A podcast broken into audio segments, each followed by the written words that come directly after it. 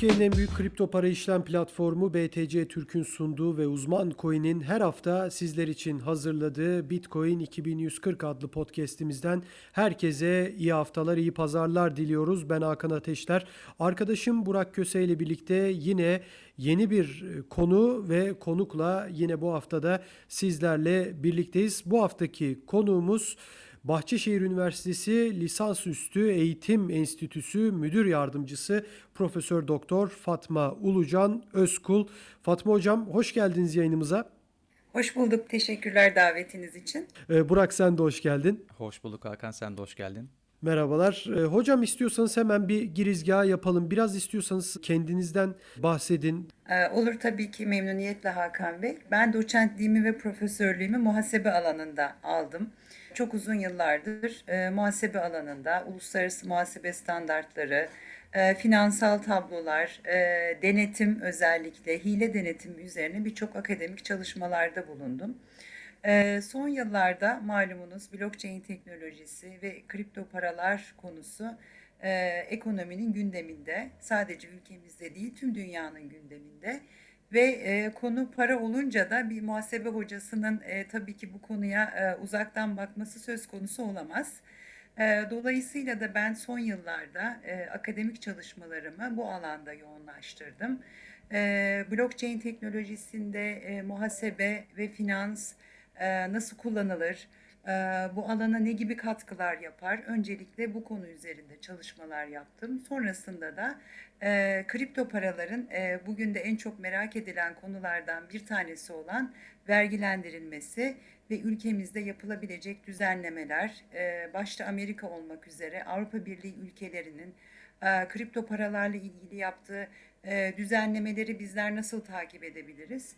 E, bu minvalde e, çalışmalarımı sürdürüyorum.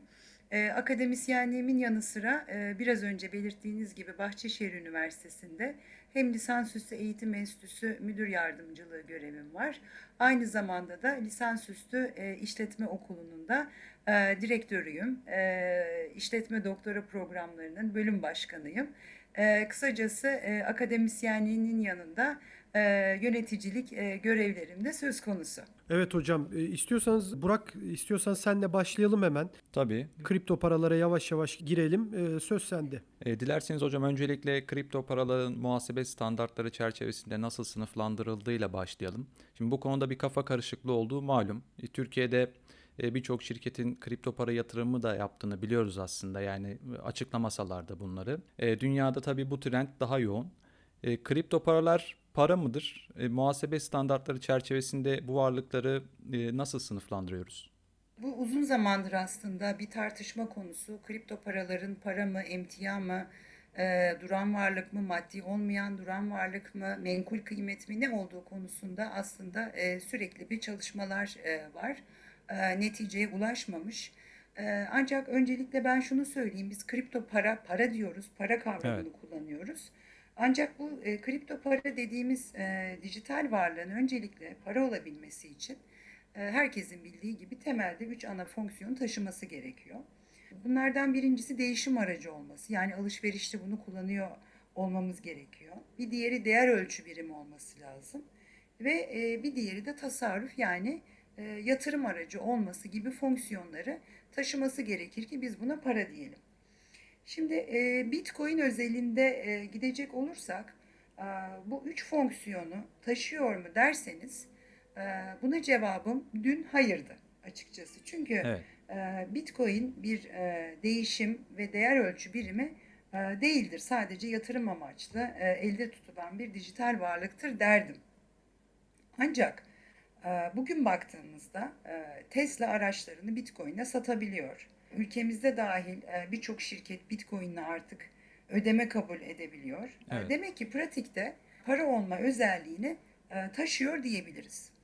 Ancak aynı soruyu muhasebe perspektifinden sorarsanız yani Bitcoin şirketin parasının bulunduğu kasa veya banka hesabına kaydedilebilir mi derseniz bunun cevabı dün de hayırdı, bugün de hayır olacaktır. Çünkü e, işletmelerde e, nakit kavramı yani para kavramı aslında yani bu bu kavrama neler girer öncelikle bunu belirteyim. Yani şirketin sahip olduğu nakit değerler, nakit paralar, nakit benzerleri, e, vadesiz mevduatlar ve e, nakde dönüşüm e, hızı e, yüksek olan yani likiditesi e, yüksek olan varlıklar e, ve burada belirtmem gereken aslında en önemli husus da likide dönüş esnasında e, değerinde değişim riski önemli olmayan varlıkları ifade ediyor. Yani nakit böyle bir kavram muhasebede. Evet. Şimdi e, Bitcoin'in ve diğer kripto paraların e, değerine baktığımızda bunların değerindeki değişim riski oldukça yüksek. Dolayısıyla da kripto paralar muhasebe tekniği açısından nakit veya kasa mevcudu olarak kayıtlara alınamaz. Şimdi sonrasında peki bunlar emtia olarak değerlenebilir mi? Bunlar menkul kıymet olarak değerlenir mi? Veya e, diğer maddi duran veya maddi olmayan duran varlıklar olarak değerlenebilir mi?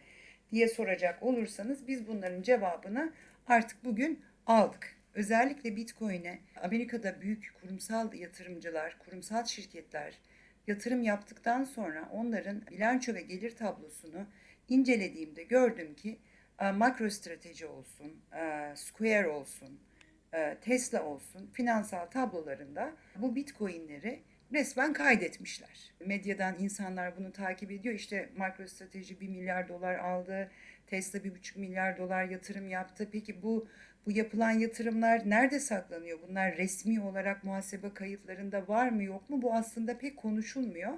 Ama SEC'nin e, yayınladığı raporlara baktığımızda tüm bu şirketlerin bilançolarında biz e, Bitcoin yatırımlarının bir varlık olarak kaydedildiğini görebiliyoruz. Şimdi bunlarla ilgili e, dilerseniz biraz da ayrıntıya e, girmem gerekirse Tabii. örneğin e, MicroStrateji Bitcoin'leri e, maddi olmayan duran varlık yani intangible asset olarak kaydetmiş ve buradaki hesabın adı da digital asset. Yani hesabın adı Bitcoin değil, hesabın adı digital asset, digital varlık olarak bunu kaydediyor. Ayrıca finansal e, tablolarda biz görüyoruz ki açıklamalar kısmında şirketin CEO'su Michael Saylor e, Bitcoin yatırımlarına önümüzdeki dönemlerde de devam edeceğini ve bunları uzun vadeli bir e, yatırım olarak gördüklerini belirtmiş. Aynı şekilde e, Square'de Bitcoin'leri yine aynen yani MicroStrategy'de olduğu gibi e, maddi olmayan duran varlıklar hesap grubunda muhasebeleştirmiş. E, ancak Tesla'nın bilançosuna baktığımızda Tesla 21 Ocak tarihi itibariyle Bitcoin yatırımı yapmıştı. Dolayısıyla da bilançosuna bunu daha kaydedemedi ama e, dipnotlarında açıklama kısmında yer verdi. Aynen diğer büyük kurumsal şirketler gibi Tesla da bunu maddi olmayan duran varlıklar hesap grubunda e, bilançosuna kaydetti.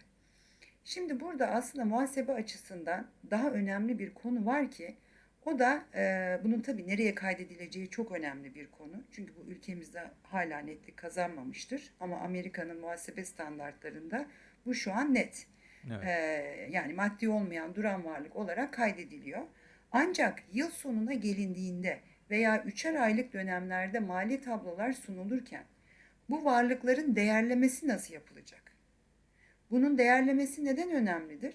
Çünkü kar ve zararla bunu ilgilendirdiğinizde bunun nihai sonucu vergiye gidecektir.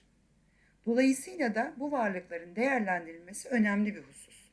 Peki bu kurumsal şirketler e, tamam bunları maddi olmayan duran varlık olarak kaydettiler. Peki değerlemesiyle ilgili herhangi bir hüküm var mı derseniz evet e, bu varlıkları dönem sonlarında e, gerçeğe uygun değeriyle değerleyeceklerini e, yani e, başta edindikleri zaman örnek veriyorum 20 bin dolara aldılar. Dönem sonunda bunun değerinde eğer bir düşüklük varsa örnek veriyorum 17 bin dolara düştü Bitcoin. Bu durumda bir değer düşüklüğü söz konusudur ve bunu gelir tablosunda bir değer düşüklüğü olarak gösterip gider yazabilir ve bu da tabii karından düşülecek ve vergiyi de düşürecek bir unsurdur. Ancak e, tam tersi olduğunda yani Bitcoin'in değeri arttığında da Amerika muhasebe standartları diyor ki hayır değer artışlarını siz mali tablolarınızda gösteremezsiniz. Yani e, kar zararla bunu ilişkilendiremezsiniz. Sadece ve sadece bu bitcoinlerin satışını yaptığınız zaman yani elden çıkardığınız zaman realize olmuş geliri kar zarar tablosunda gösterebilir ve bunu ilgili kurumlar vergisi ve diğer vergilere tabi tutabilirsin. Şimdi Amerika'daki işleyiş bu şekilde.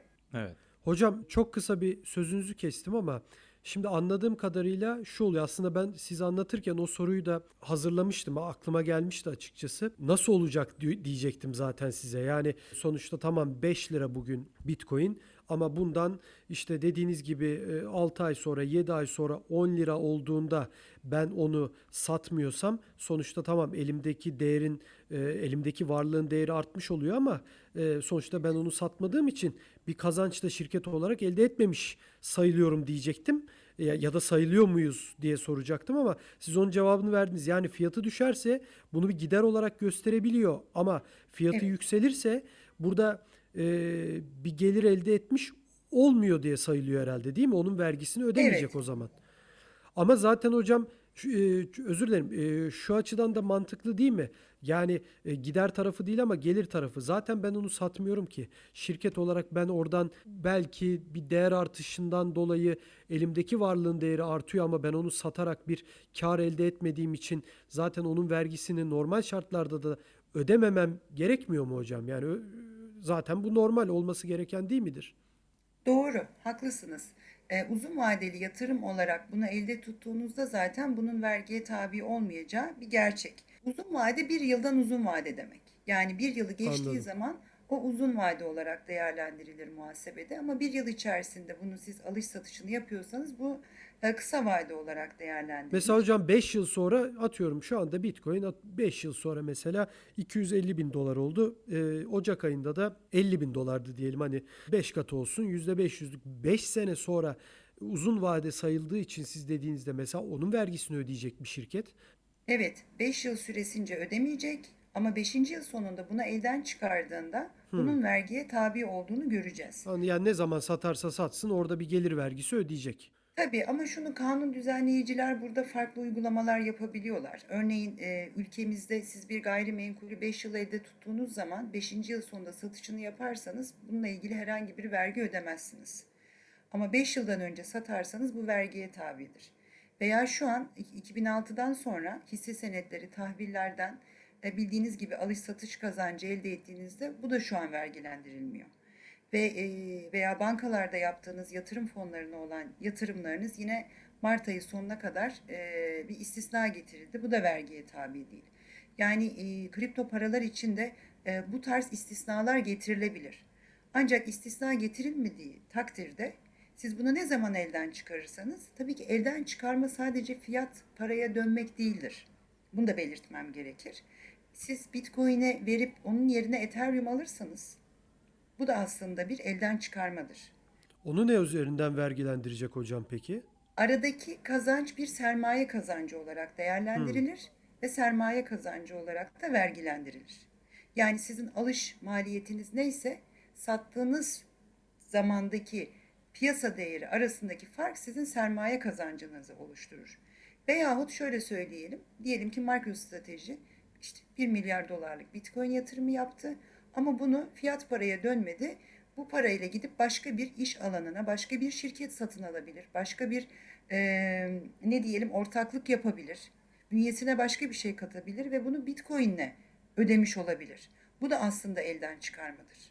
Dolayısıyla bu Bitcoin'i edindiği günle elden çıkarıldığı gün arasındaki olumlu fark sermaye kazancı olarak değerlendirilip vergiye tabi tutulacaktır.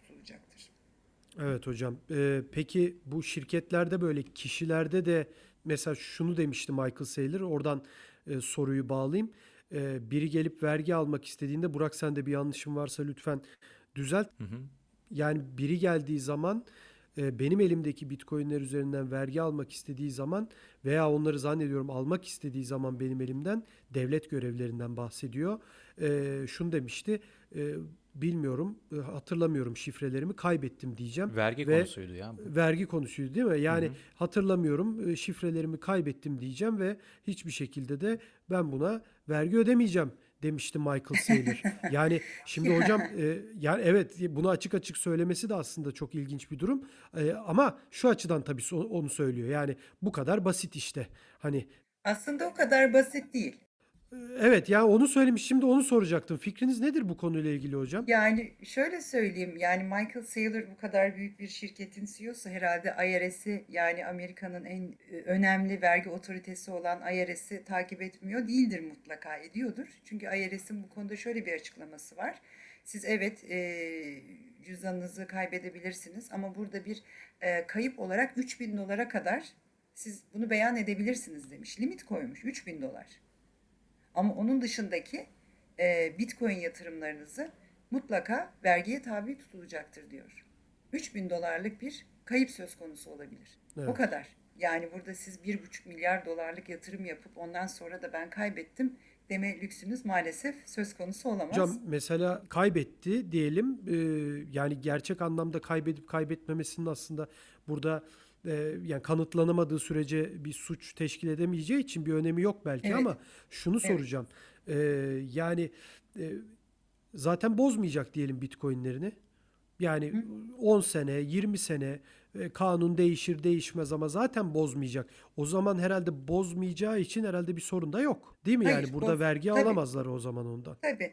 Tabii. Ya orada da Anladım. aslında yani benim farklı görüşlerim de var. Yani şöyle söyleyeyim, e, siz bunu 10 yıl elde tutabilirsiniz. Ancak e, sürekli de bunun alımını yapıyorsunuz açıkçası. Doğru. Ve e, burada piyasada bir düzenleme gelmesi lazım. Zaten biz düzenlemeden bahsediyoruz ya sürekli. E, ve bu e, Bitcoin'in ve diğer kripto paralardaki volatilite e, yani insanları yoran, belki de düzenleyici kuruluşları yoran ve Tabii. bu kaygı düzeyini arttıran unsur da bu. Yani bu kadar oynak olmasa insanların yani küçük yatırımcılarda bu kadar mağduriyet yaşamayacak. Şimdi düşünün ki kurumsal şirketler Tesla, MicroStrategy, Square sürekli sürekli Bitcoin alımı yapıyorlar. Ve bunları elden çıkarmayacaklarını beyan ediyorlar. Ancak bunlara e, kimse bir sınırlama koyamaz. Yani sen bunu uzun vadeli yatırım olarak alıyorum e, ama sen bunu is- istediğin zaman elinden çıkaramazsın diye bir kaide koyamaz. Düşünün ki bu kadar yüklü Bitcoin'in bir anda elden çıkarıldığını, o zaman küçük yatırımcı ne olur? Tabii. Yani piyasayla yani piyasada tekelleşme, piyasada bu kadar belli kurumların çok e, büyümesi zamanla büyük bir e, ne yapar piyasayı kontrol eder duruma gelirler. Yani buna ben e, yetkili otoritelerin izin vereceğini düşünmüyorum. Yani siz uzun vadeli bunu elde tutuyor olabilirsiniz. Mesela ülkemizde belli e, vergiler var. Bunları aslında servet vergisi demek lazım. Şimdi konudan konuya atlıyoruz belki de ama şunu söyleyeyim. Örneğin aracınız var. Siz bir araba alırken e, bunun zaten başta neredeyse 3 katı kadar vergi veriyor musunuz? Arabanın değeri belki 100 bin lira ama 400 bin liraya geliyor bunun değeri size değil mi maliyeti? Evet. E, yani sonrasında da her yıl bir de motorlu taşıtlar vergisi veriliyor. Yani elinizde duran bir varlık için, satmadığınız bir varlık için siz sürekli bir vergi ödüyorsunuz. Öyle değil mi? Veya sizin e, oturduğunuz evinizi düşünün. Her yıl bunun için emlak vergisi ödeniyor. Satmadığınız halde bu. Dolayısıyla elinizde tuttuğunuz bir servetin, bir varlığın her yıl aslında devletler bunu vergilendiriyorlar. Dolayısıyla da siz bu bitcoinleri, kripto paraları elinizde tutsanız dahi belki de e, vergi otoritesi bunu belli bir e, oranda bunu vergilendirebilir. Yani şu an e, evet şu anki düzenlemeler, şu anki e, muhasebe standartları bunu ancak elden çıkardığınız zaman kar yazabilirsiniz demiş. Ancak elden çıkarmadığınız takdirde elde tuttuğunuz zaman da şu an zaten uygulamada birçok e, vergiye tabi olan varlıklar söz konusu. Buna da aynı şey getirilebilir. Mesela örnek verelim son yapılan bir e, düzenleme henüz daha bu e, kanunlaşmadı ama e, meclise teklif edildi. E, bildiğiniz gibi şahıs şirketleri gelir vergisi öderler ülkemizde. Limited ve anonim şirketler kurumlar vergisi öderler. Şimdi e, kurumlar vergisi oranı bu yıl e, 2021 yılı için %20'ye indirildi. Daha öncesinde %22 idi. Ancak yeni bir düzenlemeyle denildi ki şirketler dağıtmadıkları karlar üzerinden de %11 vergi versinler. Yani dağıtılmamış karlar üzerinden normalde kar ortaklara dağıtılır ve stopaj kesintisi yapılır. Ancak şu vergi otoritesinin bu yönde bir uygulaması olacak. Yani şirketler karı dağıtmadıkları halde bunlar üzerinden devlete vergi ödeyecekler. Yani e, bu tarz yeni düzenlemeler yapılıyor. Dolayısıyla şirketlerin elinde tutacakları kripto paralar üzerinden de bu tarz farklı vergi uygulamaları söz konusu olabilir. Belki konuyu biraz vergi anlamında e, genişletmiş olabilirim. Çok iyi oluyor çünkü zaten son dönemin hem Amerika'da hem e, bizim ülkemizde, Türkiye'de, Avrupa'da yani bütün dünyada zaten konuşulan konu tabii ki birincisi fiyat. Bitcoin'in kaç para olduğu, diğer altcoin'lerin nerelere gidebileceği neredeyse her program son 2-3 aydır Burak'la e, fiyat odaklı bir program e, podcastler yapıyoruz. Dolayısıyla herkes onu merak ediyor. İkinci konuda vergi. Yani her e, kezin bize sorduğu şey, e, bizim kendi aramızda konuştuğumuz şey vergi gelir mi ülkede? Vergi ne zaman gelecek? İşte bireysel anlamda da konuşuruz birazdan hocam. Yani Evet. e, bireylere nasıl bu uygulanacak? E, çünkü daha zor gibi de olabilir. E, ülkeden ülkeye gidebilirsiniz, e, or başka yerde tutabilirsiniz kripto paralarınızı. Hani yokmuş gibi biraz önce Michael Saylor'ın dediği gibi yokmuş gibi davranabiliyor musunuz? Eğer e, cüzdanınızda soğuk cüzdanınızda tutarsanız bunların hepsini konuşuruz ama vergi zaten hocam herkesin e, hem bilgilenmek istediği hem de merakla beklediği bir konu olduğu için bence normal. Yani oradan gitmemiz yani konu illaki Evet. oraya geliyor hocam. Şimdi e, şurada bir aslında kurumsal e, şirketlerden bahsederken dönem sonu değerlemesinden bahsettik. Orada aslında bir eksiklik kaldı. Dilerseniz onu da tamamlayıp ondan sonra gerçek kişilere geçelim. Tabii hocam. E, şimdi dönem sonunda dedik ya hani eğer bir değer düşüklüğü olursa bunu gider yazıp vergiden bunu düşebilir, vergi matrahından bunu düşebilir. Doğru. E, Peki e, bir artış söz konusu olursa buna ilişkinde herhangi bir kar gelir tablosunda yazamaz dedik. Şimdi bu husus Amerika'nın muhasebe standartları yani US GAAP'e göre bu durum böyle. Ancak e, Türkiye'nin de içinde bulunduğu yaklaşık e, dünya genelinde 120 ülkenin e, uyguladığı IFRS yani Uluslararası Finansal Raporlama Standartlarının hükümlerine göre burada farklı bir model daha var. Şimdi uluslararası finansal raporlama standartları e, kripto paralarla ilgili e, şunu söylüyor. Yine varlıkları bilançoda e, maddi olmayan duran varlıklar olarak kaydedin diyor. Yine US GAAP'te yani Amerika'nın muhasebe standartlarında olduğu gibi dönem sonunda fair value yani gerçeğe uygun değeriyle değerleyip değer düşüklüğünü kar zarara ilişkilendirin diyor. Ancak ikinci bir model olarak da yeniden değerleme modelini de uygulayabilirsiniz diyor. Bu neden önemli? Çünkü bizim ülkemizdeki halka açık şirketlerde uluslararası muhasebe standartlarına tabidir. O nedenle buna da değinmek gerekir diye düşünüyorum. Şimdi bu yeniden değerleme modeli nasıl? Eğer ki yıl sonunda, dönem sonunda şirketler yaptıkları Bitcoin ve diğer kripto paralardan bir değer artışı olursa bunu yeniden değerleyip aradaki farkı kar zararda değil de diğer kapsamlı gelir dediğimiz öz kaynaklar altına kaydedebiliyorlar. Bu ne anlama geliyor? Yani siz bilançonuzda hem maliyet bedeliyle Bitcoin'i maddi olmayan duran varlıklar sınıfında gösterirken diğer tarafta yani bilançonun sağ tarafında öz kaynaklar altında da o değer artışını ki bunlar biliyorsunuz yani Tesla'da makro stratejide inanılmaz rakamlara ulaştı. Ortalama 20 bin dolara aldıkları bitcoinler bugün 60 bin dolarlar seviyesinde inanılmaz piyasa değeri yükseldi. Dolayısıyla da bu artışı aslında bilançolarında gösterebilecekler. Şimdi bunu bilançoda göstermek ne demek? Hakikaten firmanın çok güçlü bir öz kaynağa sahip olduğunu e, gösterecek bir unsurdur. Tabii ki bunu öz kaynak yani diğer kapsamlı gelirde göstermek demek bu vergiye tabi olur mu sorusunu beraberinde getirir. Hayır yine siz bunu elden çıkarmadığınız müddetçe vergiye tabi olmayacak bir değer artışıdır diyebilirim.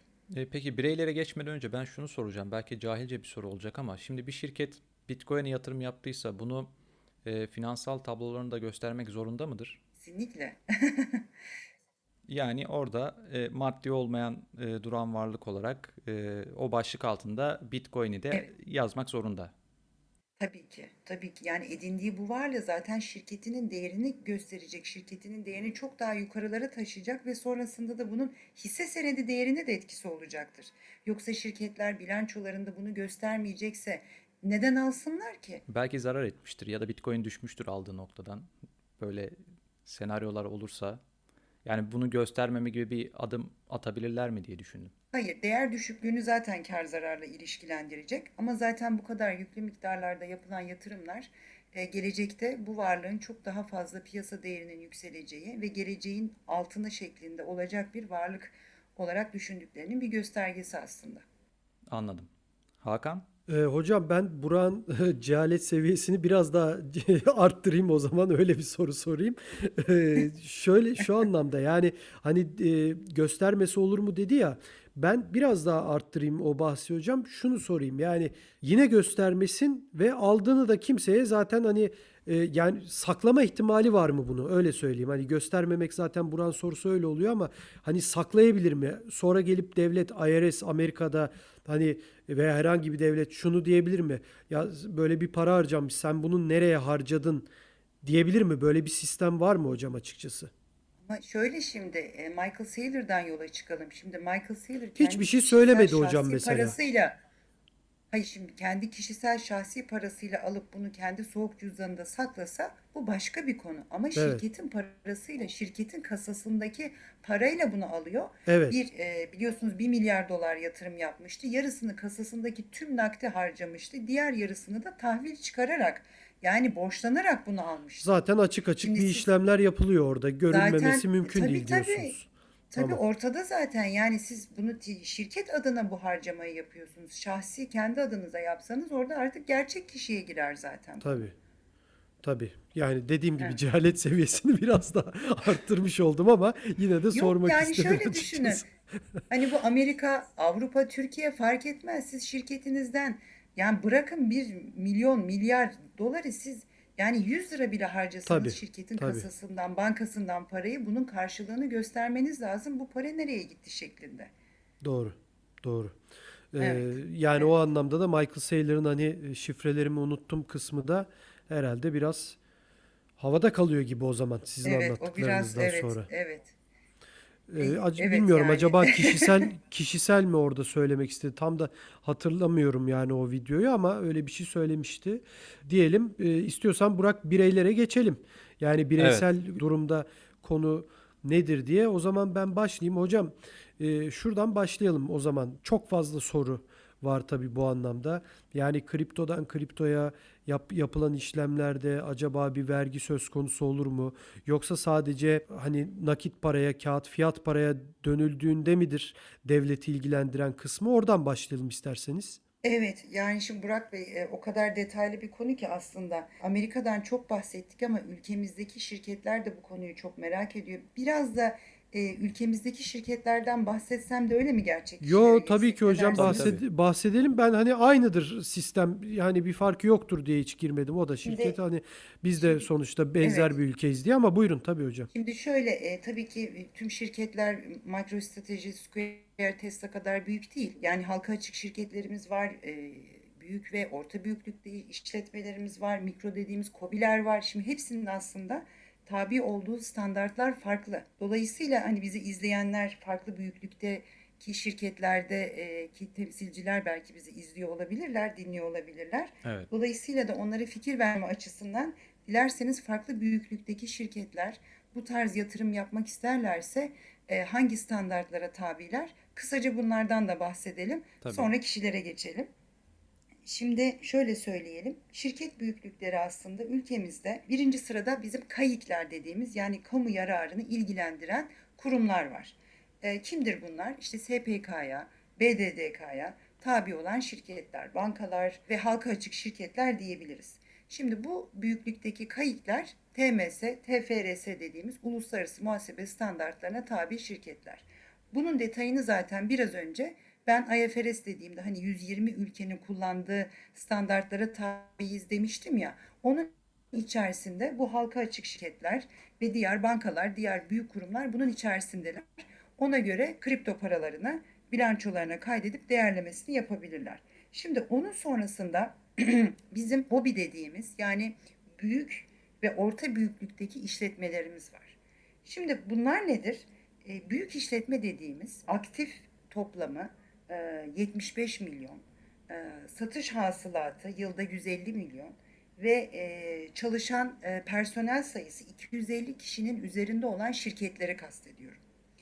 Orta büyüklükteki işletmeler de Aktif toplamı 40 milyon, satış hasılatı 80 milyon, çalışan sayısı da 200 kişinin üzerinde olan şirketler. Bunlar büyük ve orta büyüklükteki işletme olarak geçiyor. Şimdi bu sınıflandırmaya giren bir şirket Bitcoin ve diğer kripto para yatırımı yaparsa muhasebesi nasıl olacak? Şimdi bunlar IFRS yani TMS, TFRS hükümlerine tabi değil. Bunlar BOBİ FRS dediğimiz büyük ve orta büyüklükteki işletmeler için hazırlanmış finansal raporlama standartlarına tabi. E, bu işletmeler aslında aynen US GAP'te olduğu gibi ne yapabilirler? Bitcoin'leri maddi olmayan duran varlıklarda sınıflandırıp yıl sonunda değerlemesini sadece değer düşüklüğünü e, kar zarara kaydedebilirler. Değer artışları ile ilgili herhangi bir işlem yapamazlar. Yine en başta belirttiğim gibi IFRS'te hani ikinci bir metot var demiştim. Bir model var demiştim. Hani yeniden değerleme modeli. Evet. Bunu dilerlerse öz kaynaklarında raporlayabilirler. Ancak BOBİ FRS buna izin vermiyor. Dolayısıyla büyük ve orta büyüklükteki işletme kripto paraları yeniden değerlemeye tabi tutamayacak. Bir e, sonraki işletme tipi de mikro işletmeler, küçük işletmeler. E, küçük işletmeler uluslararası muhasebe standartlarına veya BOBİ FRS'ye tabi değil. Bu şirketler bizim ülkemizin sahip olduğu tek düzen hesap planına göre bilanço, gelir tablosu, finansal tablolarını oluştururlar ve vergi usul kanununa göre de yıl sonunda değerleme yaparlar. Şimdi e, şu an vergi usul kanununa baktığımızda 8 tane değerleme ölçeği var. E, kripto paraları hangisine koyarsanız e, koyulur diye sorarsanız açıkçası şu an hiçbirine koyamıyoruz. Hiçbirine uymuyor. Ancak vergi usul kanununda özel haller diye bir standart var. O da diyor ki dönem sonunda bunu kayıtlı değeriyle değerleyebilirsin. Yani ne yapılabilir? Dönem sonunda yine herhangi bir elden çıkarma söz konusu değilse aynen menkul kıymetlerde olduğu gibi, hisse senedinde olduğu gibi elden çıkarmadığınız müddetçe bunu bir e, değer artışı olarak yazamazsınız. Ancak bununla ilgili oluşan yani elden çıkarmadığınızda oluşan değer düşüklüğünü de gider olarak yazamazsınızlar. Bu kanunen kabul edilmeyen giderdir. Farklılık bu şekilde. Anladım. Ee, o zaman dilerseniz şimdi e, bireylere Evet. geçebiliriz. Yani Tabii ki. Türkiye'de tabii tabii geçebiliriz. evet evet Türkiye'de tabii son birkaç yıldır kripto para çevresinde bir vergi tartışması var. Son günlerde zaten bakanlıklardan gelen açıklamayla yatırımcılar bir vergi gelecek şeklinde bir beklenti içine girdiler. Hatta bu düzenlemeyi belki birkaç ay içinde görebiliriz diye tahmin ediyorum. Şimdi mevcut durumda gerçek kişilerin kripto para yatırımları vergiye tabi midir? Şimdi tabi olursa nasıl bir düzenleme yapılabilir? Ee, bu konuda e, durum nedir acaba? Evet, şimdi ülkemizde bu konuyla ilgili sizin de değindiğiniz gibi henüz bir e, düzenleme mevcut değil. Ee, Ancak Amerika'ya ve e, Avrupa'daki ülkelere baktığımızda e, hakikaten hem muhasebe tarafında hem de vergi tarafında e, çeşitli düzenlemelerin yapıldığını e, görüyoruz. E, Ben şimdi Amerika'dan biraz bahsetmek istiyorum. Tabii. Şimdi diyelim ki bir gerçek kişi Amerika'da e, 30 bin dolar değerinde bir, bir bitcoin aldığını varsayalım. Ve bir yıl içerisinde de bunu elden çıkardığı zaman 20 bin dolarlık yani 30'a aldı 50'ye sattı. 20 bin dolarlık bir sermaye geliri, sermaye kazancı olarak değerlendiriliyor. Ve e, bir yıldan kısa sürede bunu elde ettiyse e, bunu kendi e, yani yıllık e, kazancına göre belli bir vergi dilimi var burada. E, Yani %10'la başlayıp %20'ye kadar giden Amerika'da. Onun e, girdiği vergi dilimine göre de bunu beyanname ile yani beyan ederek bunun vergisini ödüyorlar. Eğer uzun süreli bunu elde tutuyorsa oradaki birey yani bir yıldan daha uzun süre elde tutuyorsa o zaman yine e, kişinin gelir durumu dikkate alınarak sıfırla yüzde 37 arasında bir e, vergiye tabi tutuluyor. Şimdi Amerika kripto paraları bir emtia olarak değerlendirmiş. Ancak e, vergilendirme kısmında bunu bir e, aslında yatırım olarak görmüş. Yani bir hisse senedi gibi görmüş. Dolayısıyla da finansal varlıkların tabi olduğu sermaye kazancı aynen kripto paralarda da e, uygulanıyor diyebilirim. Şimdi e, bizim esas merakımız tabii e, ülkemizde bu nasıl olabilir?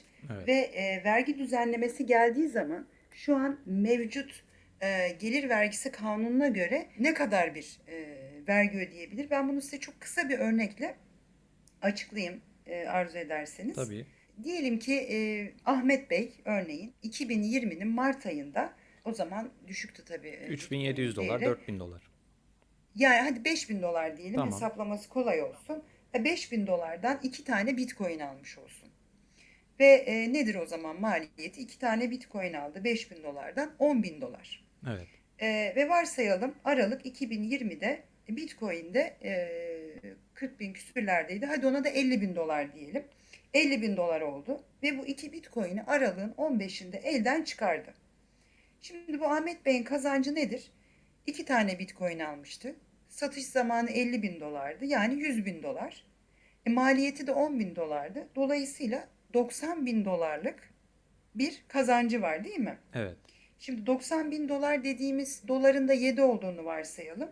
Yani 600 yaklaşık 630 bin liralık e, bir yıl içerisinde yani 2020 yılı içerisinde kripto paralardan bir kazanç söz konusu olmuş. Evet. Peki 630 bin lira bir kazancı olan Ahmet Bey ne kadar vergi ödeyecek?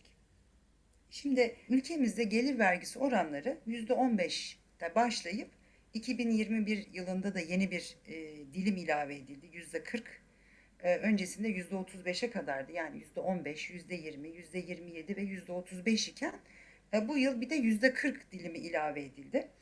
Ve e, dilimlere baktığımızda da işte %15'in karşılığı 22 bin TL olurken %40'ın karşılığı da e, 600 bin TL'ye denk geliyor. Yani siz 600 bin liranın üzerinde e, bir yıl içerisinde geliriniz varsa %40'lık dilimde bunu vergilendiriyorsunuz. Şimdi e, verdiğimiz örnekte Ahmet Bey 630 bin lira kazanmıştı ya. Şimdi bu %40'lık dilime girdiği zaman bu 600 bin lira, e, 630 bin liranın 600 bin lirası için e, 195.870 lira fazlası için de yani 30 bin lira içinde bunu %40 ile çarptığımızda 30 bin %40 12 bin lira yapıyor. Ve 195.870 ile 12 bini topladığımızda toplam ödeyeceği vergi 207.870 lira. Bayağı Yani fazla. 630 evet 630 bin liralık bir geliri olan birey 2020 yılında bunu 2021'in Mart'ında beyan ederek 207 bin lira bunun vergisini ödeyecek. Hakan. Böyle evet, diyebiliriz. e, yani aslında bayağı da bir yüksek bir rakam herhalde değil mi? Hakan'ın yüksek morali bozuldu sanırım. Ee, Evet. yani şöyle moraliniz tabii şimdi biraz daha bozulabilir. İnsanların geliri sadece Bitcoin'e de sınırlı değil. Yani burada Tabii. 630 bin liraya belki hani ulaşamayız diyeceksiniz ama başka gelirleri de hesaba kattığınızda bunlar e, kümülatif olarak topladığınızda 600'ü geçtiği zaman zaten siz otomatikman %40'lık dilime giriyorsunuz. Ha, onun altında olsa daha mı az olacak hocam o yüzde kırklık dilim? E tabii yani e, eğer Anladım. 600'ün altında kalırsanız %35'lik dilime girersiniz. Anladım. Peki hocam e, şunu sorayım. 2020 dediniz siz. Aynı işlemleri Evet. ben iki- 2017'de yaptım. Paramı da çektim. İşte ev aldım, araba aldım veya gittim. Başka ülkelerde hani herkesin hayalidir ya öyle anlatır yabancılarda da duyuyorum hep. Evet. Bahama adalarına gittim. Oradan da bir pasaport aldım. Yaşıyorum orada. Veya yaşamıyorum hocam. Türkiye'de yaşıyorum sadece diyelim. E, o zaman da devlet benden gel bakalım sen 2017'de de böyle böyle işlem yapmışsın. Biz artık böyle bir vergi çıkardık. Senden de bunu talep edeceğiz der mi yani? Kısacası geçmişe yönelik olur mu hocam? Yani şöyle söyleyeyim, vergi aslında geçmişe doğru işlemez. Öyle deniyor hep ama şey işte hani bu konuda da hocam gerçekten Evet. bazıları sizin bahsettiğiniz o 600 binin üzerinde de çok kar eden olduğu için hani geçmiş özellikle erken Tabii. dönem yatırımcılarda hani hep bu e, bazılarında korku Bir diyelim korku, bazılarında işte Doğru. bizim devletimiz de hani Amerikan devleti kadar olmasa da vergiyi de sever hocam. Yani e, E, tabii. böyle bir korku da var insanlarda açıkçası. Yani ben size şöyle söyleyeyim. Tabii ki bunlar net değil. Bunlar netleşecek. Ancak e, bildiğimiz, okuduğumuz şu ana kadarki vergi kanunlarına göre geçmişe dönük vergi işlemez. Ve e, eğer 2017 yılında alıp bunun satışını siz 2018 yılında yaptıysanız özellikle de gerçek kişi anlamında konuşuyoruz. Şirketler Evet. bazında iş, ticari kazanç olursa onu farklı konuşalım. Ancak burada gerçek kişi olarak yani sizin bir e, vergi e, mü- mükellefiyetiniz olsun veya olmasın gerçek kişi olarak bunu yaptığınız takdirde bu artık olmuştur, bitmiştir. Yani 2018 yılında siz e, işte milyon dolar kazandınız, bunun için araba aldınız, ev aldınız. Artık kalkıp bunun 2021'de vergisi bunun istenmez. Ancak şunu söyleyeceğim. Siz 2017 yılında alıp hala elde tutuyorsanız yani Eyvah. 2021'deyiz şu an. Hala elde tutuyorsanız ve bunu işte 2000 e, diyelim ki 2021'in aralığında da Bitcoin 100 bin dolar oldu. Ve 2021 Aralık'ta bunu satışını yaptınız ve onun öncesinde de vergi düzenlemesi gelmişti. Siz tabii ki yüzde 40 belki de o zaman yüzde 50 bile dilim olabilir. Tabii yani daha da fazla için. olur Bilemiyoruz. yani. Tabii daha da fazla gelebilir. Daha da fazla gelebilir. E, dolayısıyla da oradan yani ben bunu önceden almıştım. E, şimdi bunun vergisini ben niye veriyorum? Bu Yok geçmişe tabii dönük o, bir o ayrı yani onu de, denmez. tabii o Evet. dediğiniz mantıklı açıkçası ikinci dediğiniz yani sonuçta Tabii. orada bir ver yani gelir elde etmiş oluyorsunuz realize etmiş oluyorsunuz en azından o ayrı bir konu Tabii, ama hani tabii. tabii insanların korkusu hani yaptım ettim bitti hani dediğiniz gibi konu kapandı 2017'de 18'de mesela Evet. Konu kapandı onun üzerinden hala geçmişe dönelik yönelik bir e, geçmişe dönük bir yaptırım olur mu e, olmaz mı diye tabii herkes mantık çerçevesinde olmaz diyordu herkes sizin gibi ama Olmaz. bir de sizden duymak Evet. istedik açıkçası.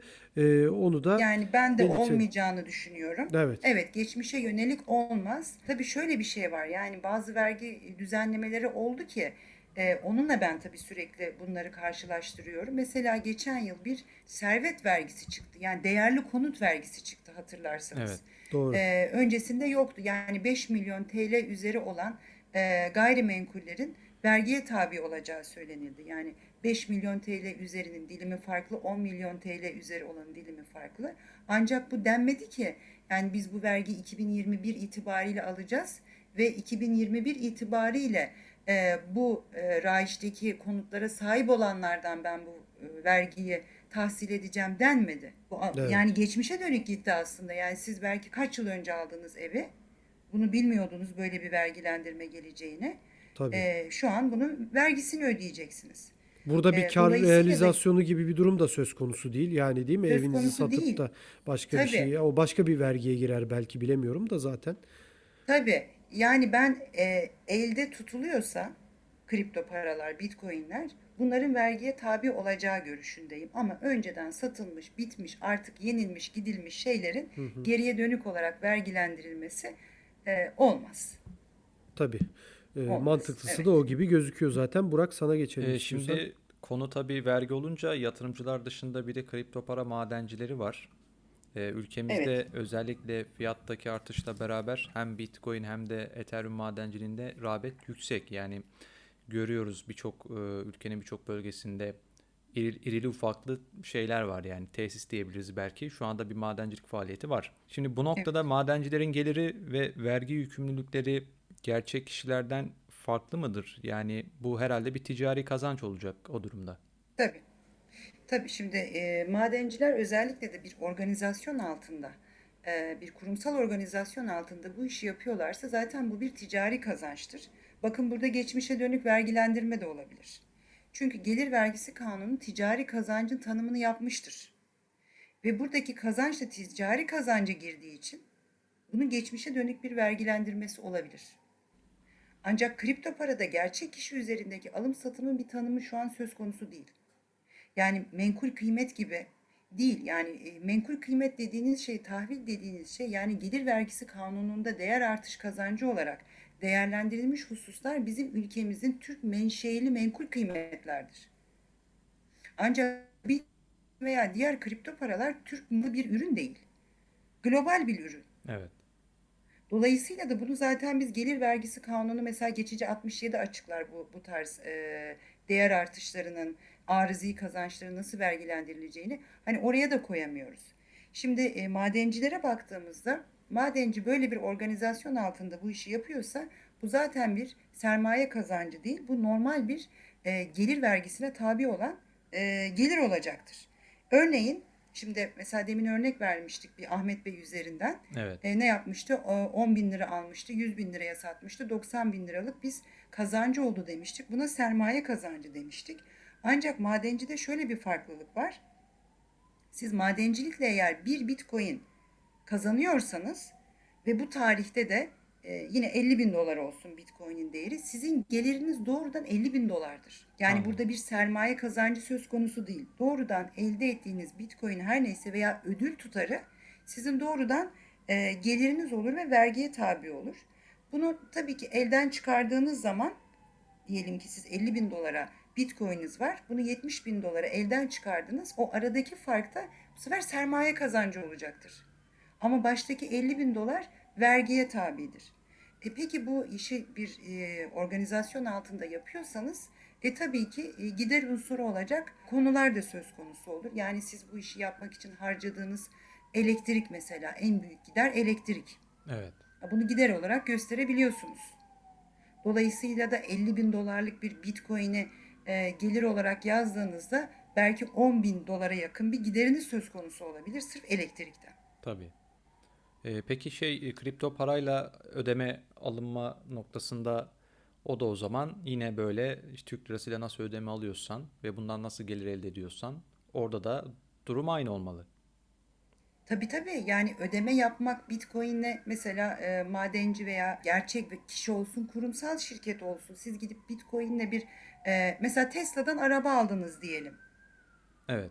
E, ne yapacaksınız? Bunu Bitcoin'le ödeyeceksiniz. Aynen fiyat parada olduğu gibidir aslında. Bunun KDV'si ödenecek o şekilde. Onun sonrasında da ama bir kurumsal şirket olarak siz gidip karşı taraftan bir şey aldığınızda bu Bitcoin'i elden çıkardığınız için hem aradaki sermaye kazancını ödeyeceksiniz, vergiye tabi olacak. Diğer taraftan da ödemenizi Bitcoin üzerinden yapıp e, ilgili diğer vergiler, KDV ve diğer vergiler de ödenecek tabii ki. Evet, evet. Anladım. Evet. E, ho- hocam ama e, burada şöyle de bir şey var. E, mesela yani zaten kripto paraların çıkmasının mantığında belki bu yatıyor. E, üçüncü tarafları tamamen e, saf dışı bırakmak. Yani ben şimdi Burak nasıl diyeyim mesela bir e, araba satıcısı diyelim. Ben de araba almak istiyorum. E, cebimde de değerli bitcoinlerim var. Ben bunu Burak'ın başka bir e, bitcoin hesabına transferimi yaparım. Yani açık açık vergi kaçakçılığına giriyor aslında bu ama bu yapılabilir. Bunun da takibi olabilir mi diye sormak istiyorum. Yaptım diyelim. E, lüks araba hatta alacağım. Hani vergisi de yüksek olsun. O koca koca jiplerden alacağım bir tane diyelim. Motoru da işte 5000 olanlardan. Yani her anlamda vergisi yüksek olsun. E tamam. Bunu ben bura dedim ki sana işte şu kadar istediğin e, fiyata denk gelen o anda e, Bitcoin'i gönderiyorum. E, tamam. O da kabul etti. Mesela ama e, vergi de vermek istemediğimiz için o da belki onu istemediği için gelir vergisi olarak ödemek istemediği için o da belki çok düşük gösterdi fiyatı. Çok düşük göstermesinin sonucunda da biz ödeyeceğimizden yine vergimizi ödedik ama çok daha az ödedik. Yani bunun fiyat parayla bile yapılan durumları çok oluyor. Yakalandıkları da oluyor ama herhalde bu kripto parayla yapıldığı zaman çok daha zor gibi. Yani bunun önüne geçme imkanı var mı açıkçası? Çünkü kripto tabii paraların ki. açıkça yani Burak sende bir hatan varsa yine düzelt. Yani kripto paranın zaten çıkma mantığı bu. Üçüncü tarafı tamamen saf dışı etmek iki kişi arasında hiç kimseye e, bir ekstra bir ücret ödemeden ki bu devletler bunun aslındaki buradaki hedef üçüncü kişi taraflara hiçbir şey ödemeden bu alışverişi tamamlamak. Evet. Şimdi aslında bu söylediğiniz şey yani böyle bir hayali ekonomi e, yaratma gibi bir şey söz konusu olur. Ama bu blockchain Tabii. teknolojisine de aykırı bir konu. Yani blockchain teknolojisinin en önemli, en çok işimize yarar tarafı nedir? Aslında kayıtların değiştirilemez bir Tabii. şekilde tutulduğu ve Bitcoin'in orada tüm ayak izlerini bizim görebiliyor olmamız. Evet. Ya bu çok önemli. Yani siz eğer ki Bitcoin veya kripto paralar hakikaten ekonomilerde böyle bir e, kayıt dışılığı, e, böyle bir hayali ekonomiyi, böyle bir kaçakçılığı arttıran bir unsursa yani bu doğru bir şey değil. Şimdi orada aracıları ortadan çıkarmayı söylüyorsunuz. Tabii. Oradaki aracı dediğimiz devlet değil tabii ki. Yani oradaki aracı bankalar. Evet, evet. Yani orada ödenen Doğru. komisyonların azaltılmış olması. Ancak buradaki kazanç yani bir e, şöyle söyleyelim yani bir asgari ücret alan insan bir ücretli vergi ödüyorsa bu kadar yüksek miktarlarda gelir elde edenlerin de aslında vergiye karşı çıkmaması gerekir diye düşünüyorum. Tabii. Dolayısıyla bunun vergisi tabii ki ödenecek. Böyle bir alış, böyle bir alışveriş yapıldığı zaman da bunun böyle gizli bir şekilde yapılması da söz konusu değil. Şimdi e, bu nasıl ortaya çıkar diye sordunuz. Bunun takibi nasıl olur? Şöyle söyleyeyim. Şimdi tabii Amerikan halkı vergi kaçakçılığı gibi bir şeyden e, mümkün değil yapamazlar. Çok korkarlar. Dolayısıyla da Amerikan halkı bunu beyan ediyor. Ya burada tabii ki kanun herhalde değil mi hocam? Evet, yani yani kanunları çok sert. var. Evet. Evet, yaptırımları var. Dolayısıyla da bundan çekiniyorlar. Böyle bir şey yapmazlar. Şimdi e, kripto para tarafında işleme baktığınız zaman şimdi sizin bir gerçek kişi olarak bir yıl içerisinde belki yüzden fazla alış satış yapacaksınız. Şimdi beyan usulü olduğunda sizin yaptığınız bu yüz işleminde alış tarihindeki fiyatı, satıştaki fiyatı, aradaki olumlu fark veya aradaki olumsuz fark. Bunların her birini tek tek kaydetmeniz lazım. Ve bunların Evet. hepsini tek tek kaydedip bunların hepsini tek tek beyannameye dökmeniz lazım. Arada olumlu fark çıkıyorsa bunu vergilendireceksiniz girdiğiniz vergi dilimine göre. Ha zararda da olabilirsiniz. Belki hiç vergi çıkmayacak. O da söz konusu olabilir. Tabii. Yani ülkemize baktığımız zaman da şimdi bizde beyan usulü açıkçası fazla işlemiyor. Hele kripto parada benim görüşüm hiç işlemez. Yani kimse gidip beyan etmez. Yani bakın Ben biraz onu sormak istemiştim. Belki Evet. hocam hani terimleri belki yanlış kullandım. Hani Yo, doğru. ara üçüncü taraf dedim ama aracı orada Evet. çok daha doğru bir kelime hocam. Yani biraz da bu Evet. söylediğinizi aslında ben sormak istemiştim. Evet, evet. Yani sürekli sorular da bu minvalde geliyor. Yani biz bunu işte yurt dışı borsalarından alacağız. Yok biz bunu soğuk cüzdanda Tabii, tabii, çok saklayacağız. Kim bunu arttırılabilir. nasıl Ya evet takip edecek, şöyle olacak, böyle olacak. Şimdi zaten düzenleme burada gelmeli. Şimdi birincisi ülkemizde şu an regüle olmamış ama regüle olmuş gibi, regülasyon var gibi işleyen borsalar var aslında. Evet. Yani konuşulan 60'a yakın irili ufaklı borsa var ama hani bizim hepimizin bildiği büyük borsalar da var. Yani birçoğumuzun güven duyduğu, yatırım yaptığı borsalar da var. Şimdi dolayısıyla benim görüşüm e, nasıl ki bankalar ve aracı kurumlar hisse senedi tahvilde aracılık yapıp bunların vergilerini stopaj yöntemiyle kesip devlete veriyorsa kişi adına aynı şeyi SPK'nın ve diğer e, işte düzenleyici kuruluşların e, bu borsalara lisans vererek ve en önemlisi de bir asgari sermaye düzeni getirerek bunların vergisinin de borsalar üzerinden stopaj yoluyla alınması. Bence en doğrusu bu olacak. Tabii çok daha rahat olur. Herkes için daha rahat Yani olur devlet herhalde. açısından, vergi otoritesi açısından da bunun izlenebilirliği olur. Tabii. Denetimi daha kolay olur. Çünkü bireylere bıraktığınız zaman yani bu iş zor. Çünkü e, hani ben dahi siz kendinizi düşünün.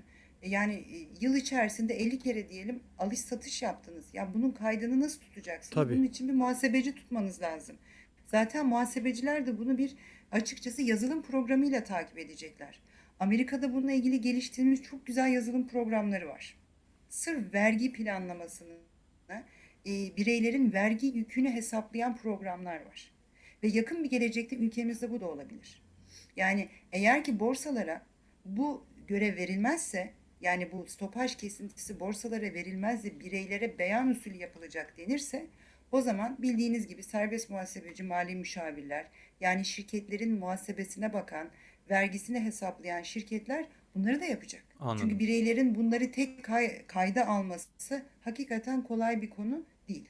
Tabii tabii. Yani bir kesin. kira geliri gibi değil. Düşünün sizin bir Evet. gayrimenkulünüz var. Ayda bir bir kira geliriniz var.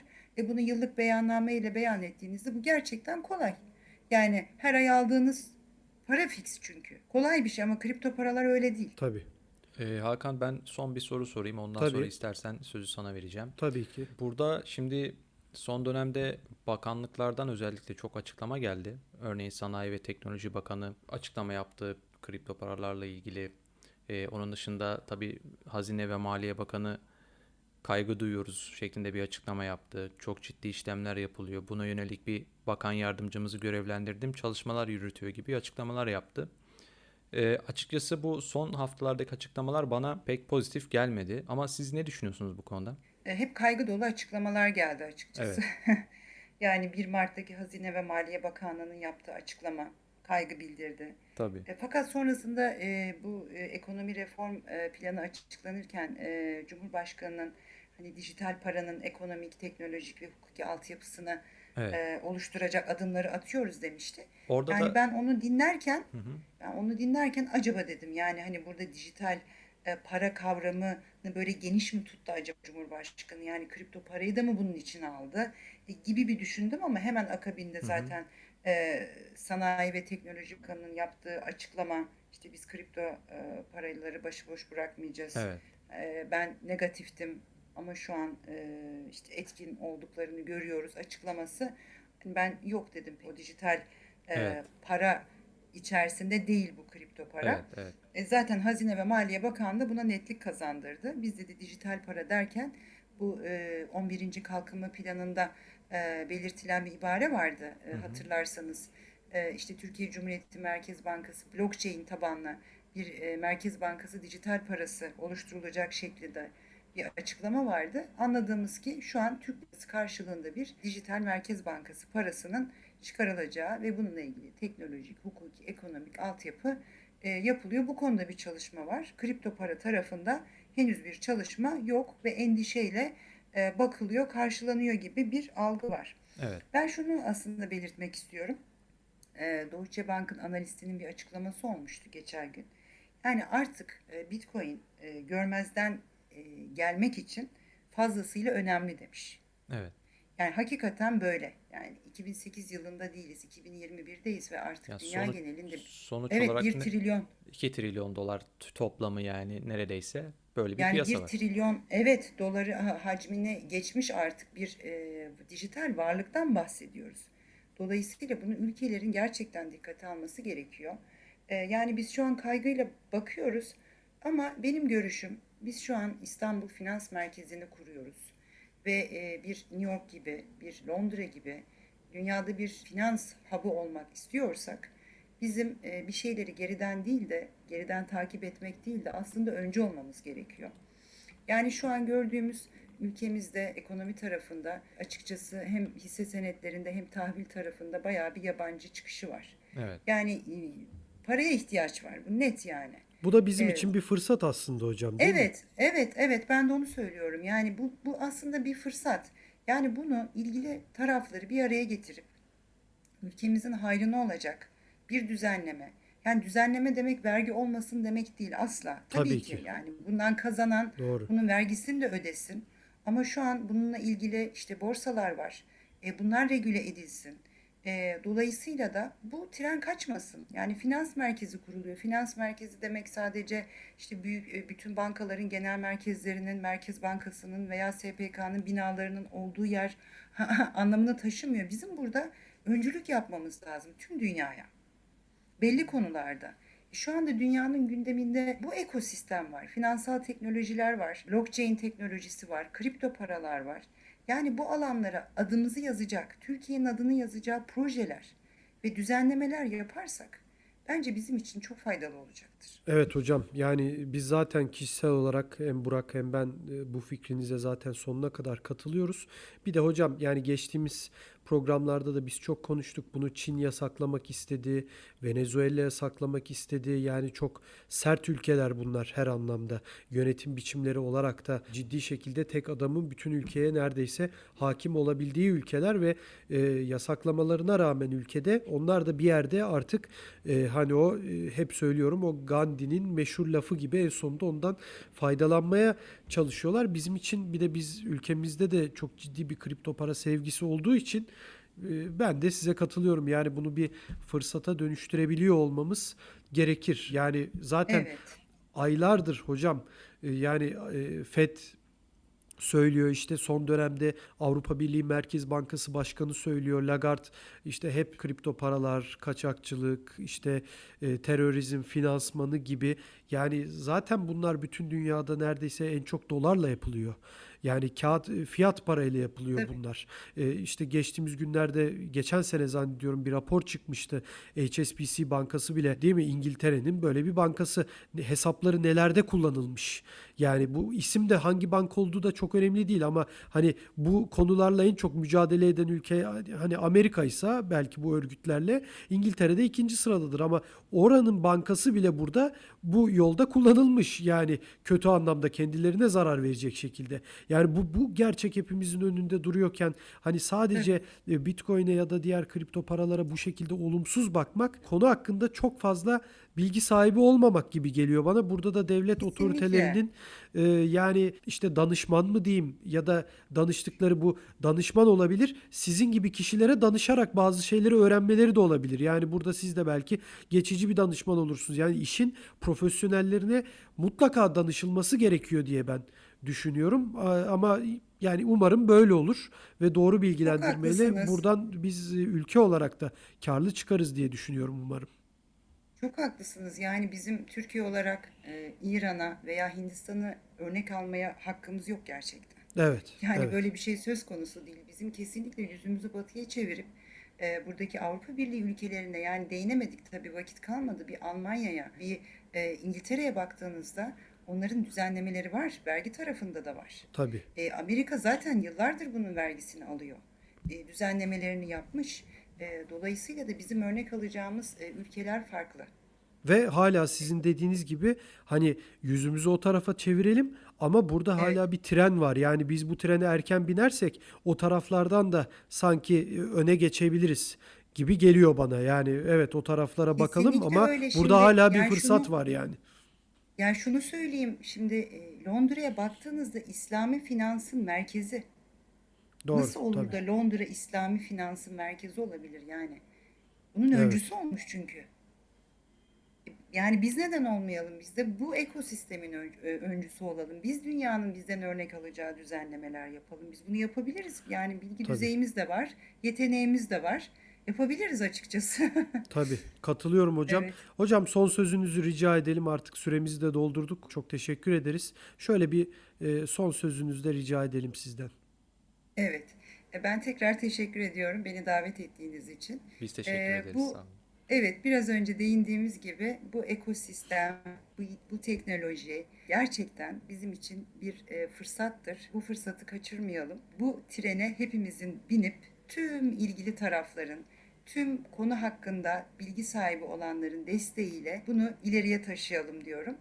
E, tekrar teşekkür ediyorum sizlere. Biz teşekkür ederiz hocam. Çok sağ olun. Programımızı bu haftada bitirebiliriz. Bu hafta podcast'imizin konuğu Bahçeşehir Üniversitesi Lisansüstü Eğitim Enstitüsü Müdür Yardımcısı Profesör Doktor Fatma Ulucan Özkul'du. Kendisiyle tabii ki birçok konuyu değerlendirdik, e, konuştuk. Kripto paraların bir para olup olmadığını, muhasebesinin standartlarını, vergi konusunu özellikle şirketlerin Amerika'daki ve Türkiye'deki şirketler arasındaki vergi konusundaki farklılıkları yani birçok konuya kadar tabii ki bireysel vergi ödemelerine ve gelecekteki muhtemel yaptırımlara ya da regülasyonlara kadar birçok konuyu konuştuk. Tabii ki bu konuyu çok daha uzun konuşup belki sizlerin bizi şu anda dinlerken aklınıza gelen soruları da sormak isterdik e, Fatma Hoca'ya ama e, zaman da bir yere kadar tekrardan kendisine çok teşekkür ediyoruz ve programımızı sonlandırabiliriz. Türkiye'nin en büyük kripto para işlem platformu BTC Türk'ün sunduğu ve uzman coin'in her hafta sizler için hazırladığı Bitcoin 2140 adlı podcast'ten bu hafta da bizden bu kadar. Gelecek pazar görüşmek dileğiyle herkese iyi haftalar.